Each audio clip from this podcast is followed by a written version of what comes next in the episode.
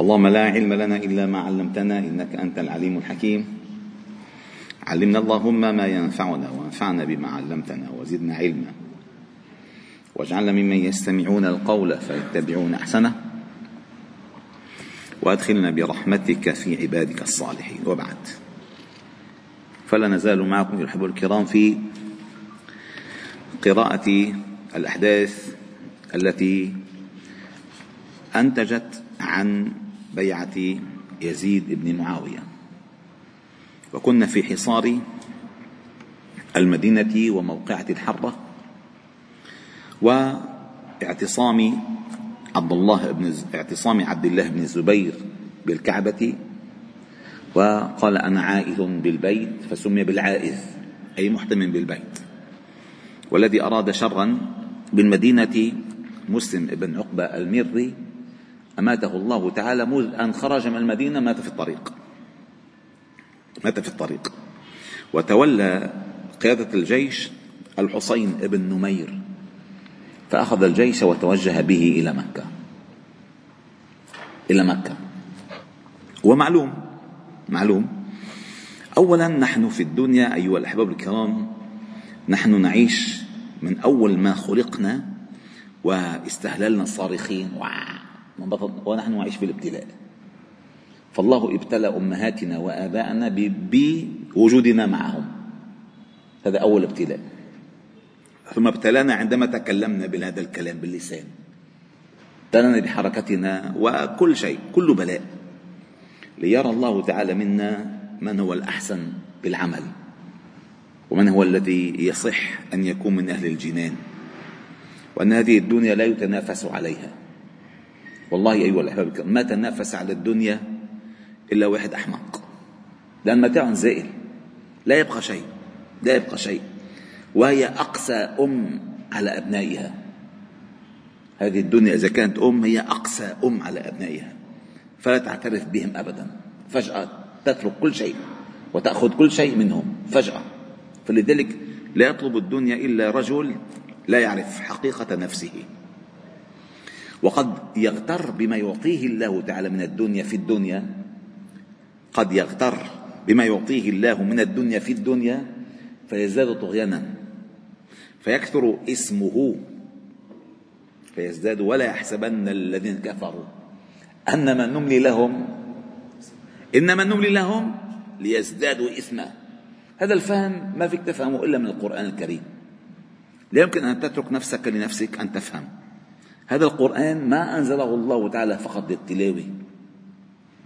أنزله للاستبصار.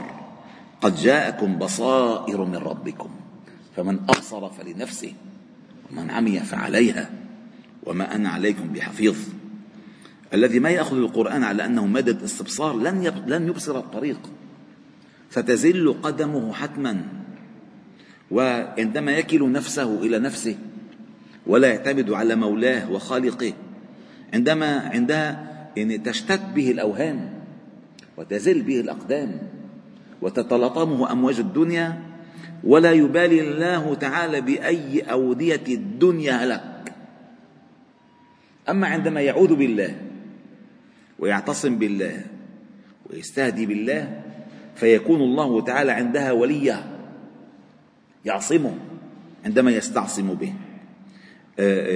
يحميه عندما يحتمي به ينقذه عندما يلجأ إليه. لأنه هو طريق هو اختار الطريق في هذه الدنيا إلى الجنة فالله يعينه. فهو نعم المولى ونعم النصير. والله يقول في كتابه أجمل الآيات بكتاب الله. قال ومن الليل ومن الليل فتهجد به نافلة لك عسى. بس هالآية اجت بالنص بالنص من إقامة الفرائض ونتائج نتائج الالتزام بالدين. أول الآيات أقيمي الصلاة. لدلوك الشمس إلى غسق الليل وقرآن الفجر.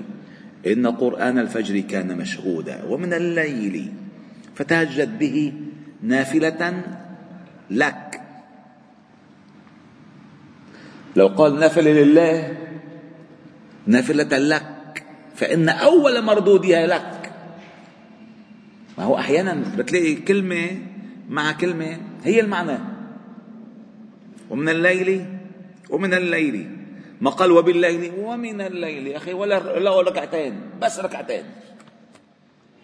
قمهما بقلب حاضر وعقل متبصر ودمعة حاضرة ودعاء بتضرع وخذ من الله ما شئت.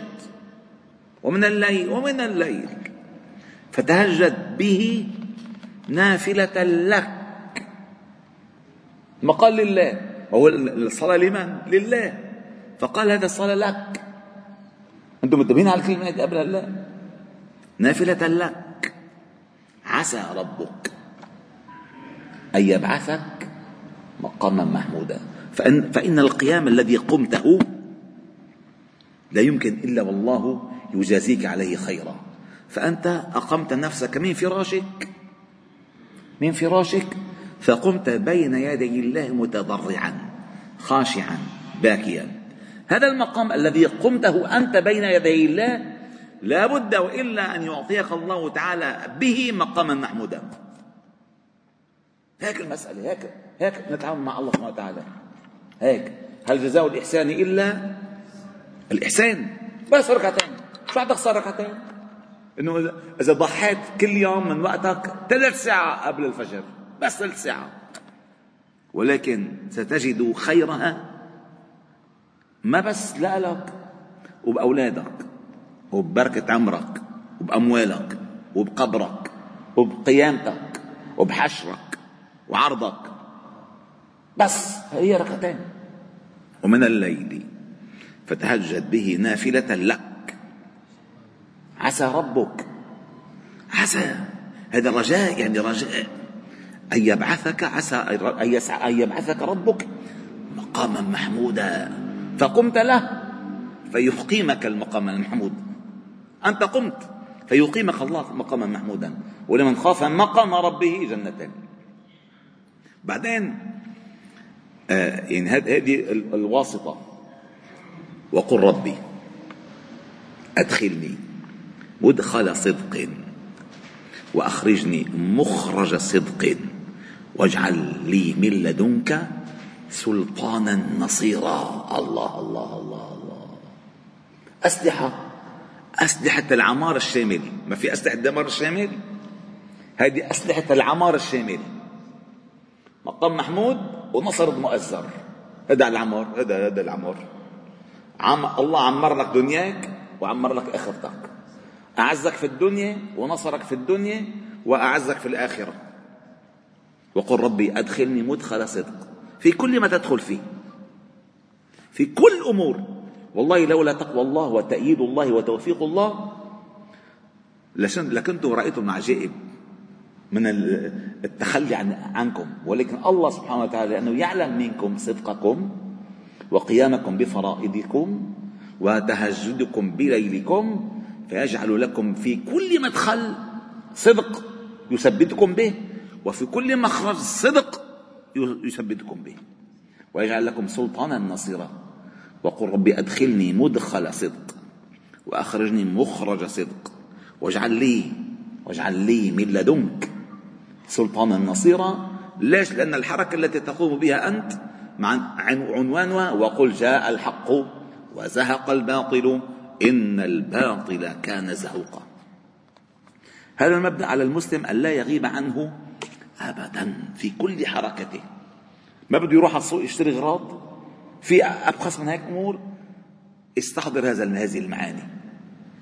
وإلا ليش النبي صلى الله عليه وسلم سن سن لنا سن لنا؟ عندما ندخل إلى السوق أذكار خاصة. أذكار خاصة. من دخل السوق عليه أن يقول لا إله إلا الله وحده لا شريك له له الملك وله الحمد يحيي ويميت وهو حي لا يموت بيده الخير وهو على كل شيء قدير. كي لا يموت قلبك. وأنت عم تشتري وتناقش وتجادل وتساوم لا بدي هيك ما بدي هيك واذكر ان الملك لله والحمد لله والشكر لله والإحياء بيد الله. هذا المسألة بكل مدخل بكل مخرج. بكل مدخل بكل مخرج. هذه المسائل إذا ما فهمناها نحن صح؟ يعني سنؤتى من حيث لا نشعر. هذا استحضار هذه التربية الأحباب الكرام إذا ما في تربية لا ينفع العلم. شو اقرا كتب من هلا تموت. إذا ما في تربية لن ينفع العلم. العلم ينفع بالتربية يعني ينفع العلم.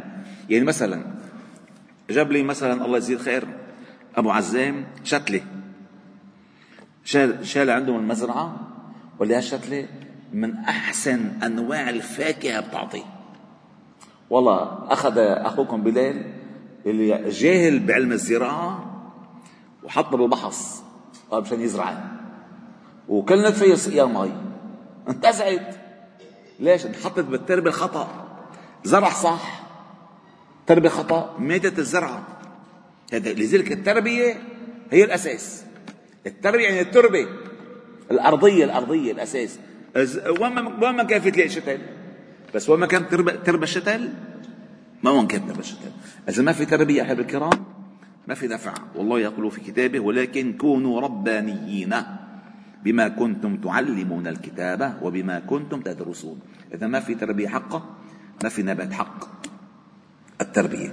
وكل حركة المؤمن نحو المساجد هي بالأصل التربية. أن يشهد جماعة المسلمين أن يشهد الخير أن يشهد الذكر أن يشهد التعاون أن يشهد الألفة أن يشهد كل المسائل. هذا بتربي بتربي بتربي. فلذلك آه يلي عم نذكره هلا الآن هو مشان نقدر نفهم المراحل التي تنتظر أو كانت بها الأمة وتنتظرها إلى بعد. فالله جل جلاله من أراد آه، آه، بدينه خيرا وفقه لكل خير. ومن أراد به ذلك أولا ما بيخلي يكمل. بتروح عليه. شوف مسلم ابن عقبة المري راح المدينة بعد كم يوم مات دغري دغري مات. وهو عم يحاصر راح جيش الحصين بن نمير إلى مكة حاصر وضرب المنج... وحط المنجنيق وبلش يقصف مات يزيد بن معاوية. بلحظة مات مات.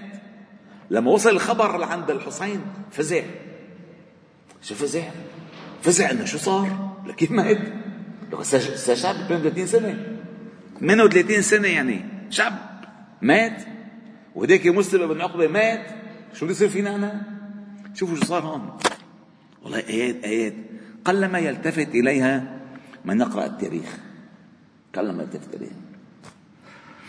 فالمهم أنا أذكركم باختصار أنه لما صار القصف والتناوش والقتل إلى آخره ووصل ووصل وعندما وصل المنجنيق إلى آه، ساحة الكعبة ونال بعض جدران الكعبة الأذى واحترقت بعض سترها الطرفان خافا على أنفسهما شو صار؟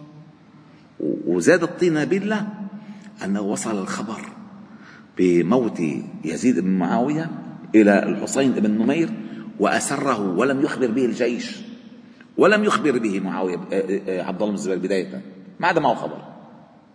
فاستمر المسألة وإلى أن أوصل خبر الحسين بن نمير إلى ابن الزبير أن يريد أن يفاوضه نتفاوض فقال فلما وصل الحسين ووصل إلى الحسين خبر موت الخليفة بعث إلى ابن الزبير. وقال موعد ما بيننا الليلة الأبطح. الأبطح من خارج مكة سو بطحاء مكة. وكان يريد أن يجتمع به ويفاوضه على الخلافة. أنه أنت أولى بطلنا نقطتين تعال بيعك شوفوا شو صارت. قلبت فجأة المعطيات كلها. فجأة بتنقلب لك راح الخليفة وراح القائد مسلم بن عقبة المري وعم يتقاتل على شو؟ قال له تعال بيع خلص. قال فقال له الحسين لابن الزبير إن يك هذا الرجل قد هلك فأنت أحق الناس بهذا الأمر. هلم فلنبايعك ثم نخرج. معا إلى الشام. فإن هذا الجند الذي معي هم وجوه أهل الشام وفرسانهم. والله لا يختلف عليك اثنان وتؤمن الناس وتهدر هذه الدماء التي كانت بيننا وبينك والتي كانت بيننا وبين أهل هذه الحرة. فقال عبد الله بن الزبير أنا أهدر تلك الدماء؟ كيف يضحي باللي ماتوا مظلومين؟ أنا والله لا أرضى إلا أن أقتل كل رجل منهم منكم بعشرة. بدي أخذ حقهم. وكان الحسين يكلمه سرا حتى لا يسمع أحد. وكان عبد الله الزبير يجيب جهرا. ليش؟ خايف على اللي معه ما يشكوا فيه. خايف على اللي معه ما يشكوا فيه. ويقول لا والله لا أفعل.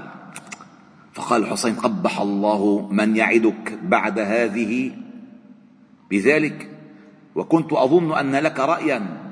ألا أراني أكلمك سرا وتكلمني جهرا؟ وأدعوك للخلافة وتدعونني إلى القتل والهلكة؟ ليش تعمل هيك. فافترقا. وراح رجع الحسين بن نمير إلى الشام. فبعد ذلك أدرك عبد الله بن زبير خطأه في موقفه مع الحسين عندما عرض عليه الخلافة وأن يرافقه إلى الشام. وأراد أن يصحح هذا الموقف. وكان الحسين يستعد للعودة بجنده إلى دمشق فأرسل إليه يقول أما أن أسير إلى الشام فلست فاعلا. وأخرج وأكره الخروج من مكة. ولكن بايعوا لي هنالك فإني مؤمنكم ومهدر الدماء. فرد الحسين بقوله أرأيت إن لم تقدم بنفسك؟ ووجدت هناك أناسا كثيرا من أهل هذا البيت يطلبونها ويجيبهم الناس. فما أنا بصانع؟ ما أنت اللي ضامن. أنا بضمن لك الموضوع. هونيك بدها تختلف الألسن وتختلف الشخصيات المرشحة. تفلت القضية. بروح أنا وياك. أنا قائد الجيش. بنروح على الشام بتخلص الموضوع. مرة. هلا أولا ابن الزبير يمكن كان معه حق. لأن من يضمن أمانه؟ من يضمن؟ يمكن هو يوصل يختلفوا عليه. وهذا قائد من قادة الجيش. ما في وزراء وفي نواب وفي وجهاء بقلب الشام. وجيش الأمويين بدمشق كان أكثر بكثير من الجيش الذي أرسل إلى مكة والمدينة. ففي مخاطرة. فلذلك أولا ثم بعد ذلك لم تكن للحسين بن نمير صفة رسمية أن يفاوض عن عن الأمويين. من وكلك بذلك؟ ما حدا وكله بذلك؟ بعدين آه، وعدم وجود عند الزبير ابن الزبير جيش منظم بعكس ما عند الأمويين والله بيبلعوهم بشربة بشربة مي. فما خرج. المهم لما توفي يزيد هذا حدث أنا بظن أنتم ما منكم قارين على الموضوع هذا هذا مات تولى المسألة بعد ما موت يزيد أخوه معاوية ابن يزيد. وكانت خلافته وهو ثالث الخلفاء الأمويين وبالأحرى السفيانيين. لأن معاوية بن أبي سفيان ويزيد ابن معاوية بن أبي سفيان ومعاوية ابن يزيد ابن معاوية ابن أبي سفيان. فثلاثة ثلاثة. هؤلاء ثلاثة هن هن اللي حكموا بسمون السفيانيين. بعد انتهاء الفترة السفيانية أتت الفترة المروانية التي حكمها بداية مروان بن الحكم ثم عبد الملك بن مروان ثم الوليد بن عبد الملك ثم إلى أن وصلوا إلى الأندلس. وهذا الحكم كان هو الأساس هو أساس الأمويين. فالمهم كان معاوية بن يزيد تولى الحكم وقيل أنه كان في يناز عمره العشرين سنة. فعندما تولى الحكم آه، ما كان رضيان هو أصلا بالحرب أن تشن ضد عبد الله بن الزبير. وعرض أباه بذلك ولكن قدر الله وشاء فعل فوصل الأمر إليه. فما الذي يمكن أن يصنعه؟ تصوروا. ما الذي يمكن أن تصنعه؟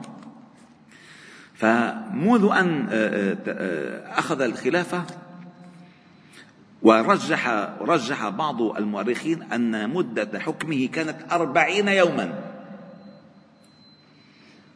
عشرين منا صحيح وما عجبه وعشرين منا مريض. فلما شعر بمرضه ماذا ما الذي فعله؟ فعندما أحس معاوية ابن يزيد أن آه، الموت دنا منه وهو ابن عشرين سنة. نادى في الناس الصلاة جامعة وخطب فيهم وكان مما قال أيها الناس إني قد وليت أمركم وأنا ضعيف عنه. أنا ضعيف ما في نكمل. فإن أحببتم أتركها لرجل قوي. كما تركها الصديق لعمر. وإن شئتم تركتم تركتها شورى في ستة كما تركها عمر بن الخطاب. ولكن ليس لست أرى فيكم من هو صالح كعمر ولا هو من أهل الشورى كما رأى عمر. من شايف. كان ما عجبه ما عجبه الوضع كله أبدا. ابن عشرين سنة. والظاهر أنه كان رجلا صالحا. ولا واحد بيتخلى عن الحكم؟ مين ما يستطيع؟ السائق له بالقصر من بعد العصر. دغري بتخلى؟ والله بيقتلوا العالم. بيقتلوا العالم. ليكوا هذا الزلمة بالأرقف. خاف ما يفشل بالانتخابات. ما ينكشف فساده بالبلدية. ارتكب جريمة وممكن كان مستعد يرتكب جرائم. ليش؟ مشان يخسر الغطاء اللي مغطاه جرائم. فالمهم وأراد معاوية بذلك بعدما خطب دخل منزله ولم يخرج منه حتى مات. مات. مات الخليفة. وقد أراد معاوية ابن يزيد رحمه الله أن يقول لهم أنه لم يجد فيهم مثل عمر ولم يجد فيهم أهل شورى كما وجد عمر. فترك أمرهم يولون من يشاءون. وقد جاء ذلك صريحا في رواية ابن الأسير فقال أما بعد فإني قد ضعفت عن أمركم فابتغيت مثل عمر بن الخطاب حين استخلفه أبو بكر فلم أجده. وابتغيت ستة مثل ستة الشورى فلم أجدهم. فأنتم أولى بأمركم فاختاروا له من أحببتم ثم دخل منزله وتغيب حتى مات. وظل المسلمون عندها بدون خليفة ستة أشهر. وأمر بن الزبير يقوى يقوى يقوى حتى وصل إلى بعض أنحاء الشام وإلى بعض أنحاء العراق وإلى مصر. ستة أشهر بلا خليفة ستة أشهر. سبحان الله. وعندما آه، وصل هذا المسألة إلى القضية اختار بنو أمية عندما اجتمعوا في آه، الجابية اختاروا أن يترأس أو أن يأخذ الأمر أكبرهم سنا وكان هو مروان ابن الحكم الذي ولاه عثمان واليا وكان من علماء الأمة. من قرأ ترجمته أدرك أنه كان مو يعني موثقا. وحكيما وعالما وقاضيا. وأخذ الحكم بعد عمره ستين سنة. وستأتي إن شاء الله هلأ نحن الآن ننتهي من الفترة السفيانية. وإن شاء الله تعالى في الدرس القادم نبدأ في الفترة المروانية التي ابتدأت بمروان ابن الحكم. والحمد لله رب العالمين. سبحانه وبحمدك نشهد أن لا إله إلا أنت نستغفرك ونتوب إليك. وصلي وسلم وبارك على محمد وعلى آله وأصحابه أجمعين والحمد لله رب العالمين.